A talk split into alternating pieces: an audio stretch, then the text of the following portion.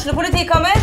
Ine Jansen er purk. Er du purk? The motherfucking bitch. Alt jeg vil, er å finne ut hva som skjedde med mannen min. Jon Carew. Er jeg sikta for noe? Iben Akeli. Det er du. Ole So, Lars Berrum og Big Daddy Karsten. Hvem sin side er du på, egentlig? Anette Hoff, Tone Danielsen, Kommer du fra Afrika? Jørnis Josef, Nesten. Kløfta. Trond Espen Seim, Det er synd å si det, men det var feil mann som døde. Purk. Premiere tirsdag på TV2 Play. Ungsamtalen fra DNB er økonomisk veiledning tilpasset deg som er ung. Bokk en ungsamtale på dnb.no. slash ung. Det er kjempebra hvis du skal inn på boligmarkedet, hvis det er drømmen din, liksom. Det er det du skulle sagt. Og så kunne du ropt litt mer, da, sånn som jeg gjorde. Bam! Åh,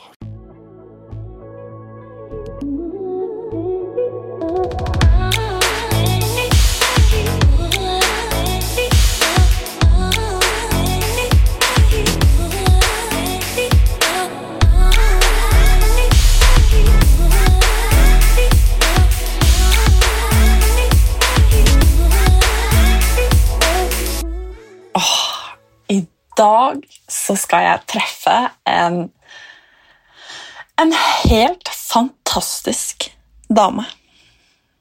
Hun heter Inger. Hun er 37 år gammel, og jeg skal være helt ærlig og si at jeg syns det er vanskelig å fortelle deg hva du nå skal få høre, og i korte trekk forklare historien til Inger. Inger hun er sosionom, og hun har uhelbredelig kreft. I 2012 ble hun diagnotisert med brystkreft, to uker unna termin. Da var svulsten allerede 8 ganger 10 cm stor. Og legene de ga henne bare 50 sjanse for å bli frisk. Og det er, det er bare starten på historien. Og det er egentlig en sånn historie man ikke kan tro at er sann. Men det er den. Og man sier ofte at eh, man ikke får noen oppgaver eller utfordringer i livet som man ikke er sterk nok til å takle. Og det kan sikkert diskuteres. Men med Inger så er jeg helt sikker på at det stemmer. For jeg tror kanskje jeg aldri har truffet en dame som er mer glad i livet, som har inspirert meg til å ta fatt på det og sette pris på det, som Inger. For dette kunne vært en dyster og vond historie. Og selv om mye av den både er dyster og vond, så er den aller mest fin, inspirerende og sterk. På en god måte. Inger har nemlig påminnet meg om at livet er og kan være så innmari fint.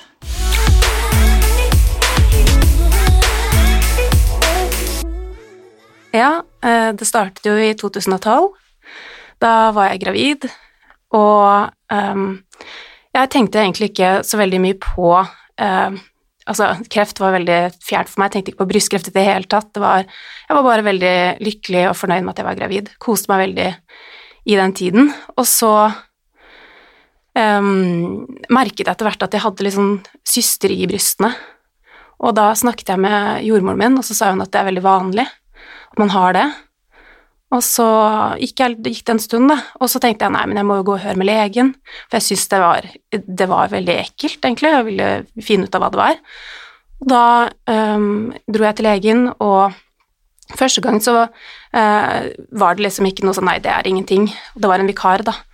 Og så var jeg veldig usikker, så jeg tok en tur til, og da var det også en vikar. Og heldigvis så var den vikaren hadde, Heldigvis hadde hun jobbet med brystkreft, da, så hun sa bare med en gang du, dette her er brystkreft, så jeg kommer til å sende deg til en biopsi eh, nå. Så det, det, er ikke noe tvil om dette her. Oi. Mm. Så da, da hen, henviste hun meg til brystdiagnostisk senter, da. Hvordan, mm. hvordan føles det å være liksom Altså, jeg var så lykkelig og gravid og tenkte bare Det er jo ingen i en alder av 28 som får kreft, i hvert fall ikke brystkreft. Eller det var bare så fjernt for meg, alt. Så jeg tenkte at nå skal vi finne Altså, jeg vet ikke, jeg klarte liksom ikke ta alvoret innover meg. Jeg tenkte at det, det kan godt hende at dette ikke er kreft. Jeg klarte bare ikke skjønne det. Mhm. Og da ble du henvist til Ja. biopsi? Ja, biopsi på Ullevål. Mhm. Eh, Så tok jeg den. Eh, Først en gang og to ganger, og så tenkte jeg fortsatt at eh, For den var ikke bra nok, da, den biopsien første gang. Og da tenkte jeg at eh, nå, nå er jeg på en måte nå er jeg ute av det. Jeg tenkte sånn, altså jeg var jo litt spent, men jeg var også ganske sånn, nå skal jeg få barn. Jeg var i en helt annen ja, tankerekke. Så, men i hvert fall så eh, ringte de meg. Eh, den påsken så tenkte jeg jo litt på det. Jeg hadde jo veldig kynner og sånn. Jeg var veldig gravid, så jeg tenkte ikke så mye på det. Altså, jeg tenkte mer på at nå skal jeg snart føde, mm. og at dette her bare er helt ufarlig.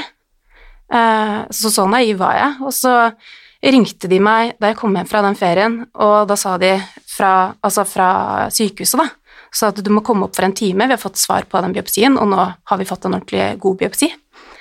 Og så tenkte jeg sånn, ok, ja, men da får jeg bare opp og få det svaret, da. Og så eh, sier hun bare ja, ta med deg noen. Og selv da skjønte ikke jeg det. Så når jeg kjører da opp sammen med mannen min Jørgen, da, oppover mot kreftsenteret, da, det er først da jeg skjønner, fordi hun sa bygg 11, da skjønte jeg først at det var At det kunne være kreft. Mm. Og da så jeg på Jørgen, så jeg bare fy faen, da skjønte jeg det. Så ja, så da var det opp der, og så inn på et rom med da Ellen Schlichting, eh, Erik Wist, kjempeflinke brystkreftleger, onkologer. Og så snudde seg og bare Ja, du, det du trodde det, Den biopsien, det viser at det er en kjempestor kreftsvulst i brystet ditt. Og der sto jeg, sto jeg, satt jeg der, da. Eh, høygravid. Mm. Oi. Mm. Men Og den er åtte ganger ti centimeter cirka. det er stort. Mm, kjempestort. Jeg bare, Da faller jeg helt sammen. Jeg Ja. gjør det, og det gjør mannen min òg. Vi var ikke gifta, da, men det var bare sånn, det var bare så sjokk. Og ja, så det jeg husker at jeg sa, var sånn Kommer jeg til å overleve dette her? Eh, hva, hva tror du? Og så sa, husker jeg at Erik Wist sa da sånn Ja, er, for å være helt ærlig, så er det 50-50. Det sa han ganske med en gang. Og så tenkte jeg sånn Ja ja, men det er 50 pluss det, da. så dette går jo greit. Nå skal jeg bare få denne De fleste blir jo kurert, liksom. Jeg vet jo det. Dette går bra. Så det var, eh, det var første møte mm, med det å få brystkreft. Mm. og hvordan var det da? For hvor mange uker før du fødte var dette her? Det var bare ja, hvor termin Det var eh, ja, et par uker før termin. Mm. Ja. Og hvordan føltes det da å på en måte skulle gå inn i fødsel, Mm. eh, være eh, så innstilt på at eh, nå skal dette vidunderet komme, liksom, Mm, og så mm. bare har du liksom Vær så god, du har kreft i tillegg, Mm, mm, liksom. Det som ble, så som det ble, da, var at han eh, Eller de, de så på terminen min, så sa de sånn at det er viktig at du kommer i gang med behandling raskt, eh, men akkurat nå så har det Altså, det har kommet så langt da, at uansett hva som skjer nå, så er én eller to uker det er på en måte, det er ikke så mye frem og tilbake. Sånn at, og det stolte jeg på. Så sa de bare at eh, da eh, fremprovoserer vi den fødselen på termindato, og så eh, setter vi i gang med cellegift etter det, da. For å skrympe svulsten, for den hadde blitt så stor, så det er det man gjør da. Så, mm. så det Men det var heftig. Men samtidig så var jeg sånn Guds lykke at jeg da eh, var gravid, for da hadde jeg noe å se frem til, jeg klarte å liksom tenke at jeg skal bli frisk, ikke sant, dette skal jeg klare, og jeg nå skal jeg først og fremst bli mamma, så jeg var egentlig litt glad for at de jeg, var, jeg skulle sikkert ha gått liksom flere uker over termin, for jeg var jeg, bare, jeg vet ikke, jeg var veldig glad for at de egentlig at de skulle, skulle settes i gang òg, egentlig. For jeg bare gleder meg som person sånn Bli mor tidligere, liksom. Eller jeg vet ikke. Jeg var bare helt Det var en veldig merkelig situasjon. Selvfølgelig var det kjempevanskelig. Det var jo Ja, så da ble jeg satt i gang, og det tok kjempelang tid før fødselen kom i gang, og så kom den i gang til slutt, og husker jeg også at eh, jeg var så stressa liksom på vei inn mot da å føde, når den liksom jeg ble lagt inn for å føde, eh, så var jeg så stressa. Det første jeg sier om venstre, så sier jeg sånn men vi må underskrive på det, de papirene de der i forhold til eh, fødselspermisjon. For det, Jørgen, nå må jo du ta permisjonen min, og så må jeg være sykemeldt. og så sa Det var det jeg tenkte når jeg skulle stresse inn der med i Nå har du, lang, nå har du kommet langt nok, nå skal du føde. Ja, så det var mye veldig ja, rar situasjon, men det gikk bra, altså. Så det Men klarte dere da på en måte eh, Nå har jo aldri jeg fått barn, men klarte dere da å holde på den derre lykken, Ja. liksom? Å ja. Ja, ja, ja, ja, ja. Jeg syns det bare var helt fantastisk å bli mor, og, bare, og fødselen i seg selv også syns jeg var helt kjempespennende, og jeg syns ikke det var så fælt. Og så tenkte jeg sånn, jeg hadde sett for meg eh, noe mye verre, og jeg hadde sett for meg at det skulle være vanskeligere. Og nå slapp jo jeg å amme, da, fordi jeg kunne jo ikke det. Så, fordi, sant? Ikke sant? Så da stoppet jo opp den prosessen der med noen tabletter. Og så var det egentlig Ja, jeg, jeg, hadde, jeg hadde sett for meg at det kunne være Jeg hadde sett for meg worst case scenario, da. At jeg fikk et kolikkbarn, eller hva som helst, liksom. Men jeg syns bare det gikk veldig fint. Hun sov jo mesteparten av tiden og Det var din gave, det, at det skulle gå knirkefritt? Ja, altså det, jeg tenkte faktisk på det sånn Dette her kan ikke være vanskelig for meg nå, for nå har jeg det vanskelig nok. Mm.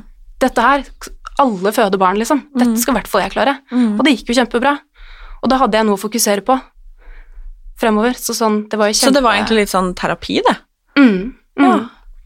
Da tenkte jeg altså, det her, hun betyr alt for meg. Dette her skal jo jeg bli frisk av. Nå må jeg bare ja, samle krefter og bry meg om henne. Og, ja. Så når hun var fem uker gammel, så dro vi på ferie til Paris, og ja, ja, ja. Da hadde jeg satt i gang cellegiftbehandling. Jeg var bare sånn opptatt av nå skal jeg leve livet, og dette går fint. Jeg skjønner. Ja, for hvordan var, var Hvordan gikk denne behandlingen? Hvordan gikk tiden etterpå? Hvordan var det? Mm.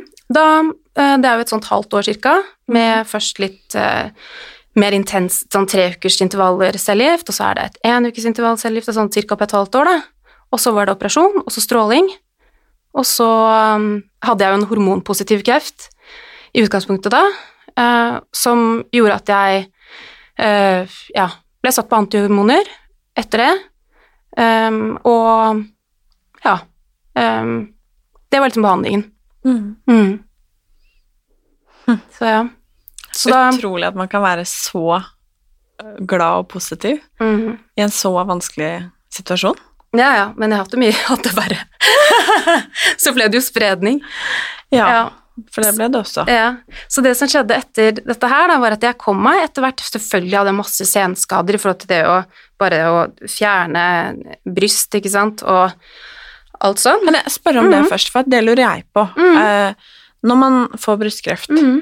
hvordan Altså, fjerner man brystene da? Altså, får man nye Altså, hvordan, hvordan fungerer Mm. det, liksom? På sånn Det kom- generelt ja. grunnlag? Det kommer helt an på hva slags karakteristikker som er liksom inni svulsten. Da.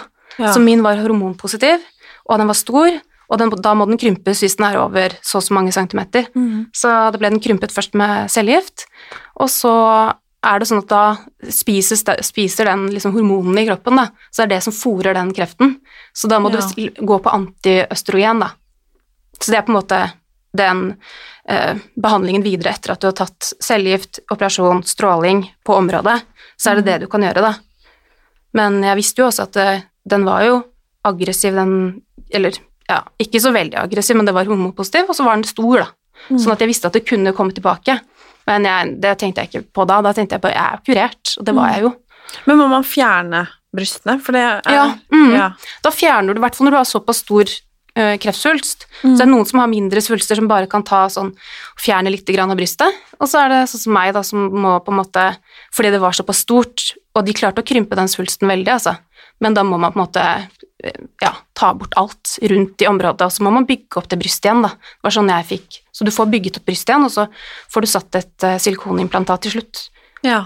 Etter mye sånn strekking av hud, så du fikk sånt, først en sånn hudstrekker, nå går vi veldig i detaljer her, Ja, altså, ja, jeg- men jeg syns det Jeg har Mm. egentlig alltid lurt på det, hvordan, mm. det, hvordan det liksom fungerer. Ja. Fordi eh, jeg tror kanskje med meg selv at jeg hadde følt veldig på at en altså Mm.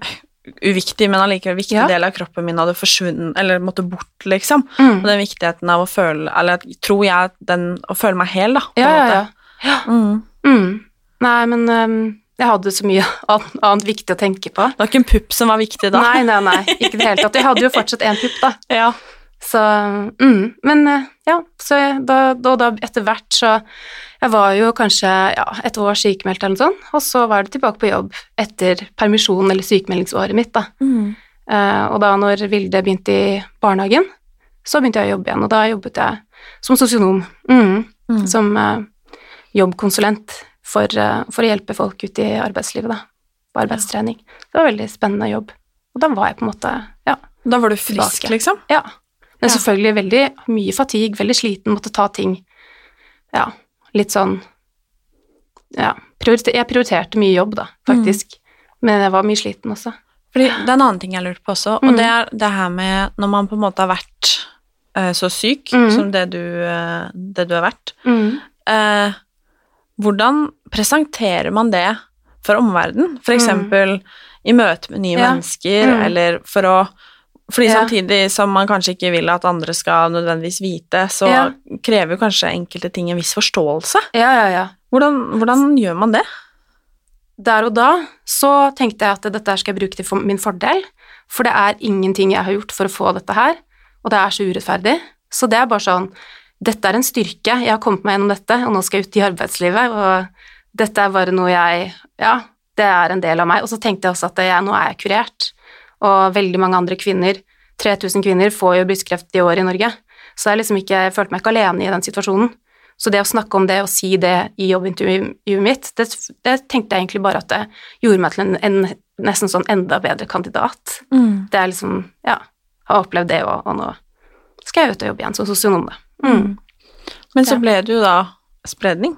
Ja, så da begynte jeg etter hvert å jobbe i Kreftforeningen, da, når jeg så en stilling der Ja. i forhold til eh, å jobbe på rådgivningstjenesten. Så du gikk da fra å jobbe som mm. sosionom til mm. å jobbe i Kreftforeningen? Ja, Ja. som sosionom der også. Ja.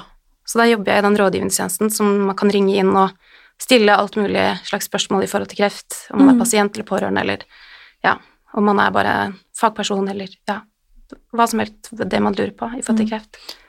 Ville du da begynne å jobbe der på grunn av eh, Mhm. selvfølgelig yrket ditt, men også Ja. erfaringen din? Da tenkte jeg bare sånn, nå kan jeg bruke den erfaringen jeg har, som er ganske sånn fersk, rett inn til noe fornuftig, og jeg kan hjelpe andre.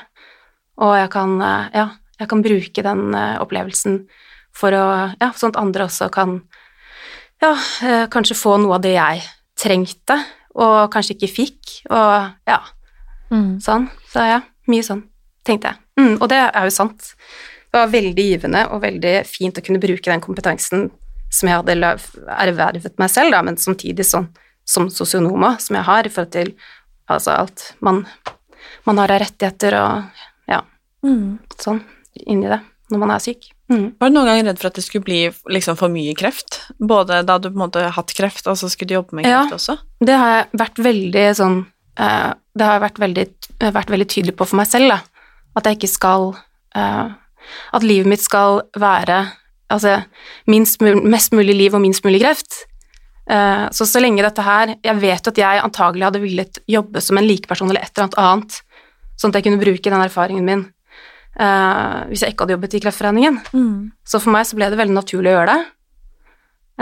Men jeg har jo unngått en del sånn eksempel sånne store møter eller eh, samlinger med altså, andre som har brystkreft, fordi jeg har tenkt at det, jeg er jo den som ofte har sånne uh, forelesninger om brystkreft og om liksom, rettigheter og sånn. At jeg skal da være der, samtidig som det er liksom uunngåelig å ikke møte eksempel på et møte da, om kreft, og så er jeg der, og så ser jeg onkologen min, og så sier jeg sånn Hei, Erik, liksom. Det er jo litt Det er jo sånn det blir. Fordi man jobber i samme felt samtidig som du har behandleren din der, da. Så jeg fikk jo et veldig sånn nært og fint forhold til han. Det var også litt fordi han så Vi møttes faktisk på sånn fagforum, liksom. Ja. Mm. Men så fint at, eh, at du kan liksom bruke den dritterfaringa, om man skal si det Ja. sånn, til noe positivt, da. Veldig. Det er så givende.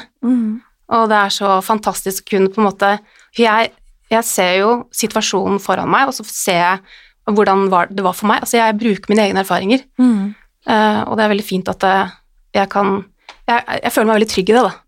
Og hvis jeg føler at jeg kan og føler meg trygg i det, så gjør jeg det. Hvis du skjønner? Helt klart. Ja. Og det tror jeg kanskje kan være litt fint for mottaker også. Mm. Eller den som tar kontakt og har behov for å prate med noen, om man Mm. bare lurer på noe eller er pårørende eller syk selv. At det faktisk kunne møte en som liksom Mm. Altså vet, da, personlig også. Det tror jeg jeg hadde syntes vært veldig fint, i hvert fall. Mm. Men det sier jeg som regel ikke, altså. Jeg er veldig profesjonell. Men jeg tror noen kan liksom ense det litt. Og i enkelte situasjoner så sier jeg det. For da, da føles det bare riktig å si at eh, du vet hva, jeg er også brystkreft, eller jeg har hatt det, og jeg har det fortsatt. Det har vært altså, veldig få ganger, altså, men det gjør jeg noen ganger. Mm. Men du sier jo nå at du har det fortsatt, og du Mm. trodde jo at du var Mm. liksom frisk, og nå skulle livet fortsette, liksom. Mm. Hva, hva skjedde? Nei, altså det som skjedde var at jeg fikk veldig vondt i hodet. Og så hadde jeg, ja, Vilde da, datteren min, hun gikk i barnehagen, og så kjente jeg bare at jeg hadde vondt i hodet, så tenkte jeg, ja, det er sikkert sånn typisk senskade.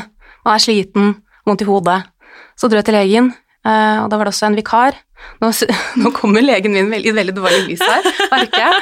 Men hun er, hun er helt fantastisk, hun også. Så det, men det var veldig tilfeldig. Da hadde hun en vikar. Hun, jobb, hun jobber som eh, Hun underviser på OUS også, så hun på en måte hadde litt vikarer, da.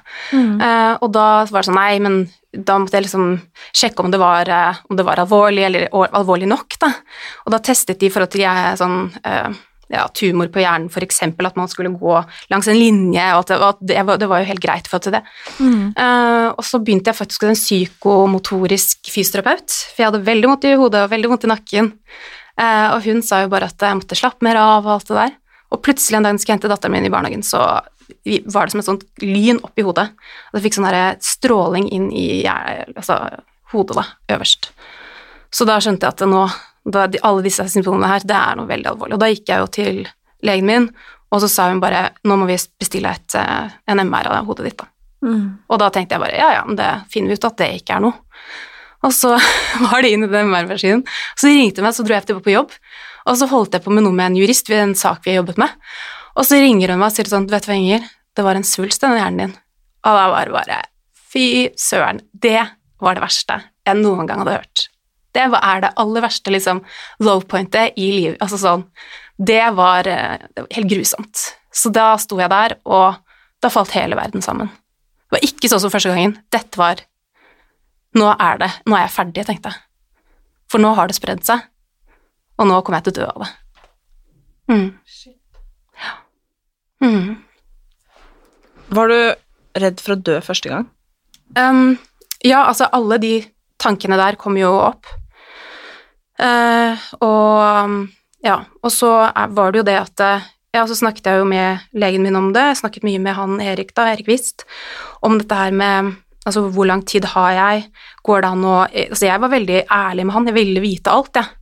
Og så ville jeg eh, Ja, så de bildene ble jo sendt Mannen min måtte gå og hente de eh, faktisk på Unilabs på Majorstua, kjøre de opp til legene der, og til eh, han onkologen min, for han ville se dem en gang.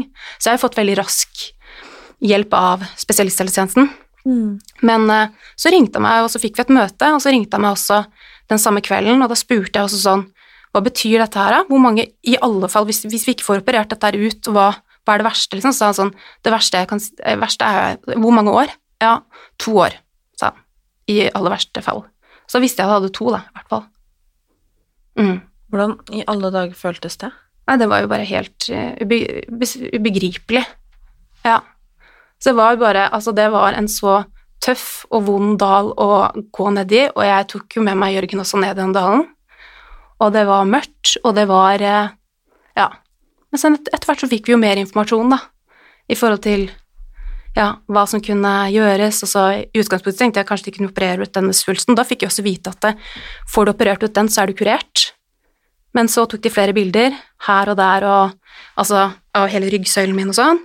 Og da fant jeg ut at jeg hadde også en svulst i lungen og en i nakken. Mm. Så det er ikke meningen å le, altså. Nei, nei, men jeg skjønner det er voldsomt. Mm. Herregud. Ja, ja, ja. Og det verste er, nå skal jeg fortelle deg noe litt rart, er at etter de undersøkelsene så lå jeg på post opp, og så sier, kommer legen bort til meg, så sier jeg sånn, å, hvordan var de bildene? Så er han sånn, vet du hva Inger, nå er du så langt nede, at det skal jeg ikke si til deg nå. Nei, ja. Så da, det skal jeg si når du har kommet deg litt. Og da tenkte jeg bare, fy faen, du kan jo bare si det da. Jeg skjønner jo det. Og, Men jeg turte ikke det, for jeg ville jo på en måte ikke vite det heller, ikke sant. Så jeg bare lå der og bare. Mhm. Wow.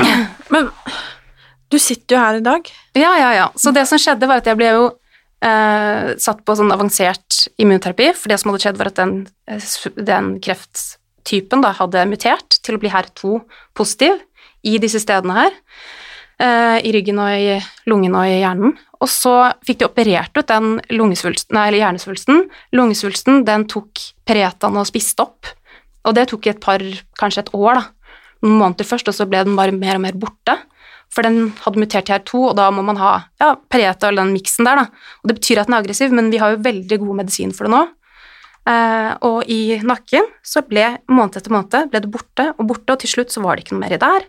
Den svulsten opererte de ikke, og da lurte jeg altså på hvorfor jeg opererer ikke ut den svulsten i lungen, som var liksom to centimeter. Nei, det kan jo være å liksom bensin på bålet, sa han onkologen min da. Så å ja, ok, da skjønte jeg det. Jeg stolte så på han. Og det var jo riktig, for det, det var riktig måte å behandle meg på. Han tok den Peretaen, og den eh, fungerte. Hva, hva er det?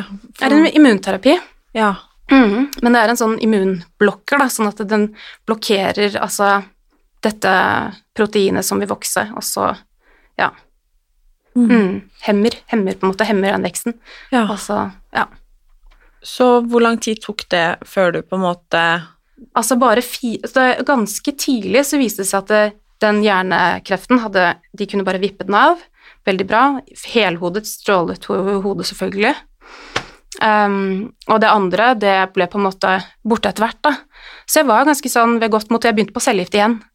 Så det var jo liksom en seksmånedersrunde igjen med det òg. Med Taxol og alle disse tingene sammen med Preta, da. Uh, og så dro jeg til Thailand for å feire at jeg var ferdig med liksom andre runden min. Ganske skalla og alt mulig, men til sånn Nå er det bra. Og så kom jeg hjem fra Thailand, og da fikk jeg et epilepsianfall. Og da hadde jeg fått enda en nysvulst. Mm. Jeg vet nesten ikke hva jeg skal si, jeg, Inger. Nei.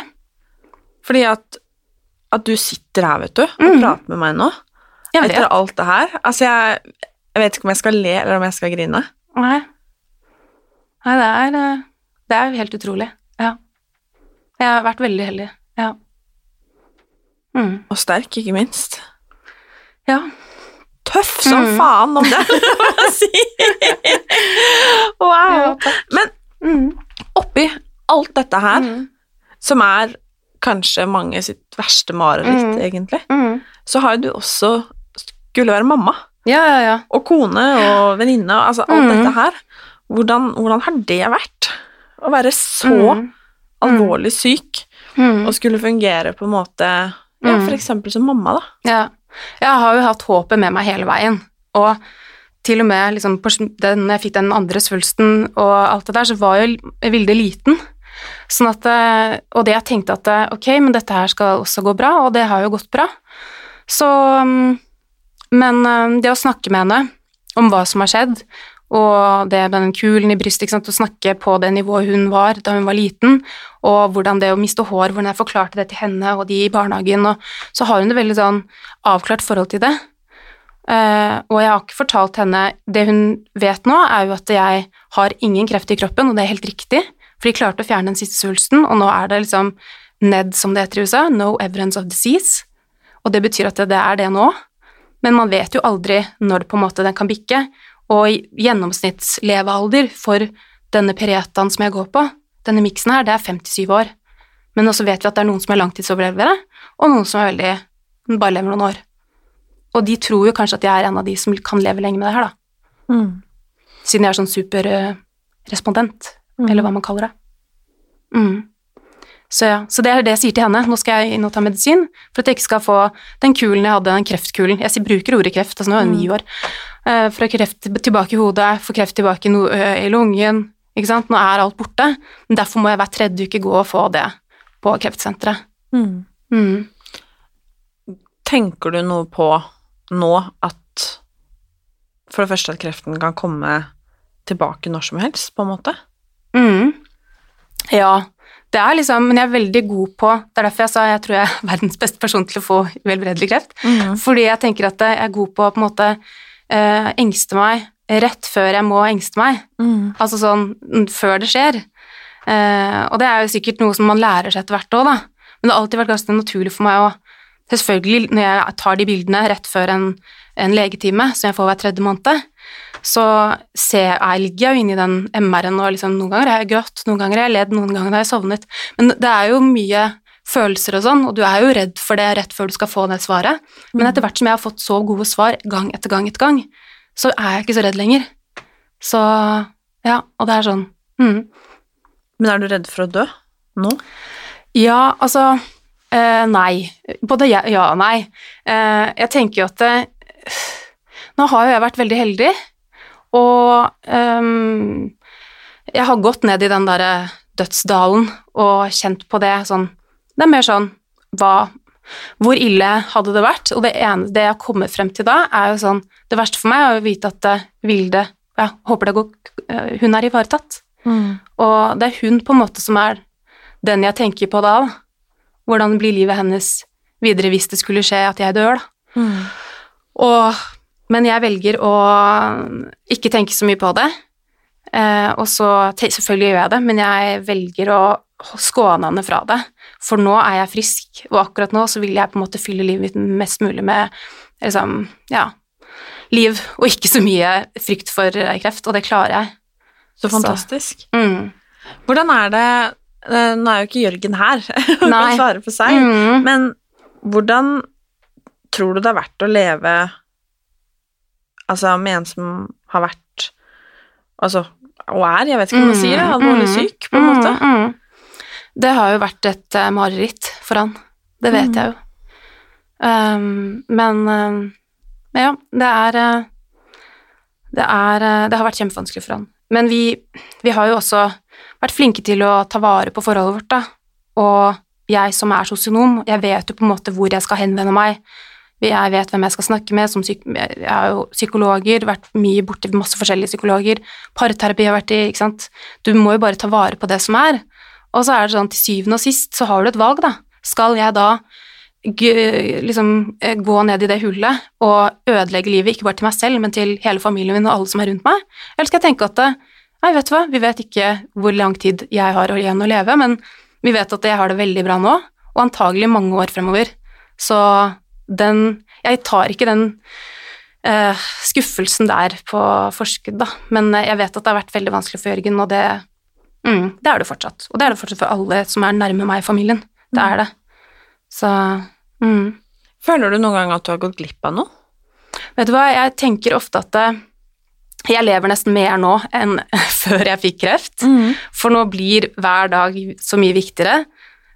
Og ja, jeg syns eh, Jeg har levd Jeg har gjort så mye. Jeg har studert i utlandet, jeg har bodd i USA i fire år, jeg har jobbet masse forskjellige steder, og jeg har så mye erfaring. Så sånn Men jeg husker jo da altså En annen ting sånn i forhold til det å få uhelbredelig kreft, da, jeg husker at jeg fikk en sånn derre aha, liksom awakening. Jeg husker jeg sa til mamma Tusen takk for at du eh, fødte meg, at du ga meg dette livet. For det var en slags sånn følelse av at hvis jeg dør nå, så er det uansett har jeg hatt det dritbra. Du skjønner? Så liksom Men det var jo helt sykt, da bare knakk hun sammen, selvfølgelig. Men, selvfølgelig. Det er jo det er drøyt. Det, er, det, er, det er veldig Ja, det er eh, mye, altså. Men mm. mm, det går bra. For hvordan har du det i dag, da, nå, mm. i, i livet, holdt jeg på å si, sånn med Mm. altså, ja, senskade, for eksempel. Altså, mm. sånn, hvordan, hvordan har både du og kroppen din det, Mm, liksom? mm. Jeg har, har jo senskader, og det er derfor jeg ikke jobber så mye som jeg egentlig skulle ønsket at jeg kunne. Men øhm, jeg er flink til å prioritere meg selv. Jeg setter meg Altså, jeg er jo, er jo i god form, og jeg, ja, akkurat nå så driver jeg med yoga. Jeg har et sånn mål om å bare drive med det. Jeg har meldt meg ut av Sats, fordi jeg tenker at da skal jeg gi det en skikkelig sjanse. Så å se om det er en bra treningsform, da. Bare med det. Så, og jeg er liksom Jeg er sosial, jeg er sammen med datteren min, sammen med Ja, jeg, jeg liker å ja, ha, det, ha det gøy, være på fest, eh, bade. Jeg har badet masse i sommer. Jeg stuper baklengs, det gjør jeg fortsatt. Wow! Mm. Og jeg, jeg vet ikke, jeg bare, jeg bare nyter livet. Og på en helt annen måte enn jeg kanskje har gjort før. Mm. Men så tenker jeg også, fy søren så mye jeg har opplevd. Uh, og ja, det er jeg glad for, da. Men, og det er more to come, more to come. Det er ikke sånn at jeg er- er ferdig nå. Selv, selv om jeg nærmer meg 40. ja, ja, ja. Men ehm, sånn rent fysisk, liksom, Mhm. hvordan Det har eh, gått seg veldig til, men jeg har hatt mye senskader. Ja. Og For For det- eksempel, altså, hva da? Hva, hva kan liksom Etter to sånne ganske heftige herjinger med cellegift, mm. Sånn et år til sammen, ikke sant, med den ene sulten som den andre, eller da, ja, ja, så um, blir jo kroppen veldig sliten, og da er det sånn at man bare, du klarer ikke mer, du prøver å gå litt, og så må du sette deg ned, og eh, ja, og det kjente jeg veldig på, og det er en veldig god på en måte erfaring å ha med seg inn på rådgivningstjenesten, folk, det er en veldig vanlig senskade å ha fatigue, men at det kan ta ett år og to år, men det blir bedre, ikke sant? Mm. Som regel gjør det det. Eh, mest sannsynlig. Og det er eh, det at jeg kan vite det også selv, fordi jeg tar utgangspunkt i meg selv, da, um, er jo fint å kunne dele. Ja. Det er jo egentlig utrolig hva kroppene våre tåler. Mm, mm. Ja, det er hard juling, altså. Mhm. Virkelig. Men uh, det tror jeg også det er bra at jeg var såpass ung òg, når jeg gikk gjennom de tingene der. Mm. Men uh, det har vært tøft, og det mm. Men um, jeg har kommet meg veldig, altså, virkelig. Men jeg har jo, altså, jeg har jo he ho helhodestrålet uh, hodet, da. Så jeg er jo litt sånn Glemmer litt ting. Uh, kan jo, jeg blir jo fortere sliten enn vanlig. Men nå har jo ikke jeg småbarn heller lenger. Jo, hun var jo liten, og det også i seg selv er jo slitsomt. Mm. Så Men det Jeg lever veldig godt med det, altså. Det jeg gjør det. Kan dette her være arvelig på noe vis? Ja, det var det vi fant ut også. Det er veldig fint at du spurte om, for det er viktig Ja. å få frem. At uh, første gangen jeg fikk uh, påvist den brystkreften, så Mhm. tok han en sånn Brakka-test av meg, da. Og det er sånn for å se om det er arvelig, og da er det jo um, Du er så, så så mye sjanse for å få brystkreft og eggstokkreft i løpet av livet, ikke sant. Og den var jo negativ, så da trodde jeg at det, det var jeg bare. Men etter at jeg fikk spredningen, så gikk søsteren min til legen, søsteren min er to år yngre enn meg, så gikk hun til legen og sa, sa dette, da. Sa han sånn, vet du hva, nå må du ta også en sånn genetisk veiledning og sjekke. Og da fant jo de ut da, at hun hadde BRCA1, som er den verste eh, BRCA-formen. Den er ganske stor sannsynlighet for å Og, brakka var Det er, det er 70 sjanse Nå skal ikke Det altså, er prosentandeler for ja, å bli ja, for- syk, på en måte? Da. Ja, for å få Ok. brystkreft og eggstokkreft i løpet av livet. Ja. Så den verste, liksom, det er en som er mildere, som heter brakka 2. Brakka 1 er den verste. Og den hadde vi, eller hadde, hadde hun. Så ble alle søsknene, da, vi er, vi er tre søsken, innkalt igjen eh, til eh, test, og da viste det seg, eller en blodprøve, da, og da viste det seg at alle hadde brakka 1. Og hvorfor var det han ikke merket det? Back in the day. Det var fordi da hadde de ikke høyfrekvensering av disse testene. Så det har, teknologien har liksom kommet videre, da. Ja. Så da, måtte, da fikk jo de muligheten da, til å fjerne bryst og fjerne eggstokker, sånn at de aldri kom til å havne i min situasjon. Bare det var jo også ganske sånn voldsomt. Mm. Også for søsteren min, som har vært veldig nær meg i hele prosessen. Mm. Vi er jo kjempegode venner. Vi er veldig nære, to år yngre enn meg. Mm. Så ja. Mm. Så da fikk de muligheten til det, og så fikk hun født sitt tredje barn før hun tok eggstokkene, da. ja. Mm. Har, det er kanskje veldig personlig, men Mm. er, kunne du tenkt deg å ha flere barn? Ja, Ja. det er jeg helt sikker på. Mm. Mm. Kan du det? Nei. Nei. etter at jeg begynte på den behandlingen, um, Pretan, så er jo det for jeg skal ha den behandlingen livet ut. Mm. Men um, jeg kan jo velge å på en måte være bitter for det. Akkurat som jeg kan velge å være bitter for at jeg har denne sykdommen. Mm. Eller så kan jeg være glad for at jeg har ett barn, og at uh, jeg fungerer såpass bra som jeg gjør nå, og at jeg Ja, jeg har det fint. Og mm, Mm. så det det er Og jeg tror nok alltid jeg kommer til å leve med å være litt bitter for det. At eh, livet mitt ble at jeg fikk metastasis brystkreft og ja, og har måttet være gjennom alt dette her. Men samtidig så er det jo noe at du har et valg. Du har alltid et valg. Du kan velge å gi den kreften den plassen, eller ikke. Og det gjør ikke jeg. Den gir for minst mulig plass hos meg. Det har jeg bestemt meg for. Så jeg føler at jeg er, sånn sett føler jeg at jeg er litt, sånn i kontroll, da. Eh, og det har jeg følt ganske sånn fra dag én, ja. Fordi eh, mm, Det har jeg klart. Er du redd for at uh, Vilde også At, at det har arva Hva heter det? Brakka-genet? Ja, at det har gått over på henne, Ja, ja, ja. Hun kan jo teste seg, da. Etter hvert. Jeg tror hun må være 18 eller ja, noe sånt. Mm. Mm. For å finne ut om hun er det. Det skal hun jo. Mm. Men eh, Men ja. Jeg eh, det, det, det får vi ta når det kommer. Så det, det er veldig fint at hun får muligheten til det, og jeg er veldig glad for at søstrene mine fikk muligheten til å ta den operasjonen, sånn at de aldri skal få brystkreft. Mm. Men eh, det er derfor det er så viktig at man snakker om det, og at selv om du er ung, så kan du få brystkreft, og du skal ta de symptomene på alvor da, når du kjenner at du har en kul i, i brystet. Ja, for jeg tenkte jeg skulle spørre deg om hvordan, hvordan sjekker man Altså sånn i utgangspunktet så Jo, hender det at jeg har en hånd på puppen, Mm. eller at eh, jeg liksom kan ta meg på brystene, liksom, men det er veldig sjeldent at jeg liksom har Altså sjekka, liksom. Så Mm. hvordan gjør man det?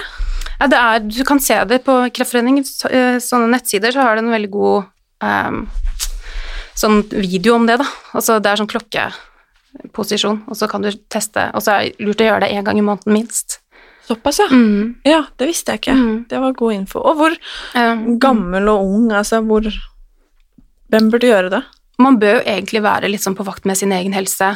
Uh, altså, med en gang man begynner å komme litt Altså, er 18 år, da, tenker jeg. Mm. Passe litt på. Det er jo veldig uvanlig å få brystkreft når man er så ung, så det er jo ikke sånn at man skal gå rundt og frykte det. Uh, så ja. Men bare ta celleprøver, ikke sant, sånn som du. Du har jo hatt grove celleforandringer. Du er åpen om det, og det er kjempefint at du er åpen om. Men alt i forhold til kvinnehelse, det Vi må bare ta vare på kroppene våre og, og gå en ekstra gang. Mm. Ja, for det tenkte jeg også på når du sa det, du dro til legen Mm. og følte ikke at du på en måte fikk den hjelpen du skulle, Mm, mm, og så dro du en gang til. mm, Og det tror jeg For det første er det jo altså generelt med oss Mm. damer, Mm. gjerne, og kvinnehelse, at det er så mye som skal til, da, eh, for veldig mange. mm, Um, men det der å faktisk Selv om det gjerne kan føles som en kamp og urettferdig og dårlig og alt dette her, men at man faktisk drar og gjør det. mm. At man slår i bordet og sier 'hei, jeg skal bli hørt', liksom. Mm. Eh, og får man ikke hjelp der, så at man går et annet sted. Man kan Mm. få hjelp, liksom. Mm, Eh, viktigheten av det, da. mm, mm. Mhm. Ja. Og så syns jeg mye av behandlingen også bør bli bedre. Kreftbehandlingen har jeg vært veldig, veldig veldig fornøyd med. Men eh, da jeg skulle fjerne de eggstokkene, så kom jeg inn på vanlig gyn, eh, gynekologisk avdeling for å fjerne de, og da var det en sånn samlebåndsmentalitet der med veldig mye endometriose, som jeg ikke engang hadde en så veldig peiling på hva var. Mm. Så bare da fikk jeg en sånn derre aha-opplevelse sånn det er så mye i forhold til kvinnehelse som må bli bedre. Og dette her er veldig uverdig for alle de jentene som ligger her, i alle aldre. Vi kunne høre hva folk snakket om. Jeg syns det var så fælt. Så jeg syns mye sånt må jobbes opp og frem, altså. Ja. Det må vi virkelig, for å si det sånn. Og Mhm. det, jeg er veldig glad og takknemlig for at du sier det jo, Mm. som virkelig har vært gjennom det.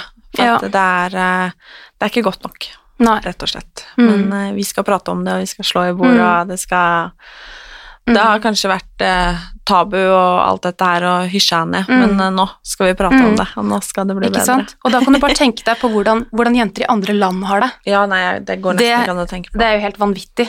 mm. Ikke sant? Så det spurte jeg også om, en lege om. Hva hadde skjedd hvis jeg hadde bodd i Thailand, og dette hadde skjedd at jeg fikk en eh, spredning til hjernen, da? Bodde på landsbygda, liksom. Da hadde du antagelig blitt gæren og så hoppet ut for et stup, kanskje. Ikke sant? Mm. For det er ikke noe som følger opp i det hele tatt. Så det, jeg prøver å tenke litt sånn ut når jeg skal se for meg selv i situasjonen min, hvis det er håpløst. For vi har veldig mye fantastisk her, liksom i velferdslandet Norge. Liksom. På mange mm. måter er vi jo verdens heldigste. Mm. Mm. Men vi kan fortsatt bli bedre på mange ting. Det kan vi, Vi ikke- og vi kan også hjelpe andre med å bli bedre. Ikke sant? Mhm.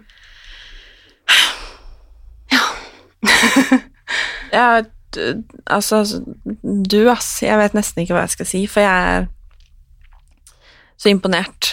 Og jeg er så glad for at du ville komme hit og prate med meg. Og jeg er helt sikker på at uansett om man på en måte har lytta til denne mm. episoden for å lære mer om det vi har snakka om, mm. eller bare om av nysgjerrighet, eller kanskje noen står i samme situasjon selv, eller er Mhm. glad i noen som gjør det, Mhm. eller uansett, da. Ehm, så håper jeg og tror at de som har hørt i dag, eh, når de legger på her, holdt jeg på å si, går ut og er litt mer takknemlig Ja. Eh, for det livet de lever. Det kjenner i mm. hvert fall jeg. Ja. At eh, nå skal jeg gå ut og kjenne sola i fleisen, liksom. Mm. Mm. Det sa jo du også eh, på en av podkastene dine som jeg hørte på, at eh, når du fikk de celleforandringene, så så du at alt var så Fargene ble så tydelige. Mhm. Akkurat den følelsen fikk jeg også. Mhm. Da, da Det er noe med det første gang. Mm. bare få ehm, Om det er Og det kan være på en måte bare at en du er glad i, blir syk også. Eller, altså, sånn, Mm. Det trenger ikke å være, handle om sykdom engang, men jeg tror vi av og til trenger den der wake-up-callen, da. Som liksom Hallo, Mm. se, lukke opp øya, liksom. Løft blikket fra egen navl, liksom, og Mm. se hvor fin verden egentlig er, liksom. Mm. Fordi det er den, selv om det er mye kjipt også. Ehm, og det der å tenke gjennom hva man er Altså hvor heldig man er, da, og Mm. hva man er takknemlig over. For det finnes noe fint i hver dag. Mm. Uansett hvor mørkt og grått og kjipt det er. Ja. Mm. Jeg eh, vil bare si takk for at du hadde lyst til å være med, ja, takk selv. og for eh, det du har delt. Mm. Og eh, ønske deg masse, masse, masse lykke til. Takk skal du ha. I Jeg, like måte. eh, takk. Krysser fingrene og alt jeg har, og at du får leve mange fine dager til. Ja, takk. Tusen takk,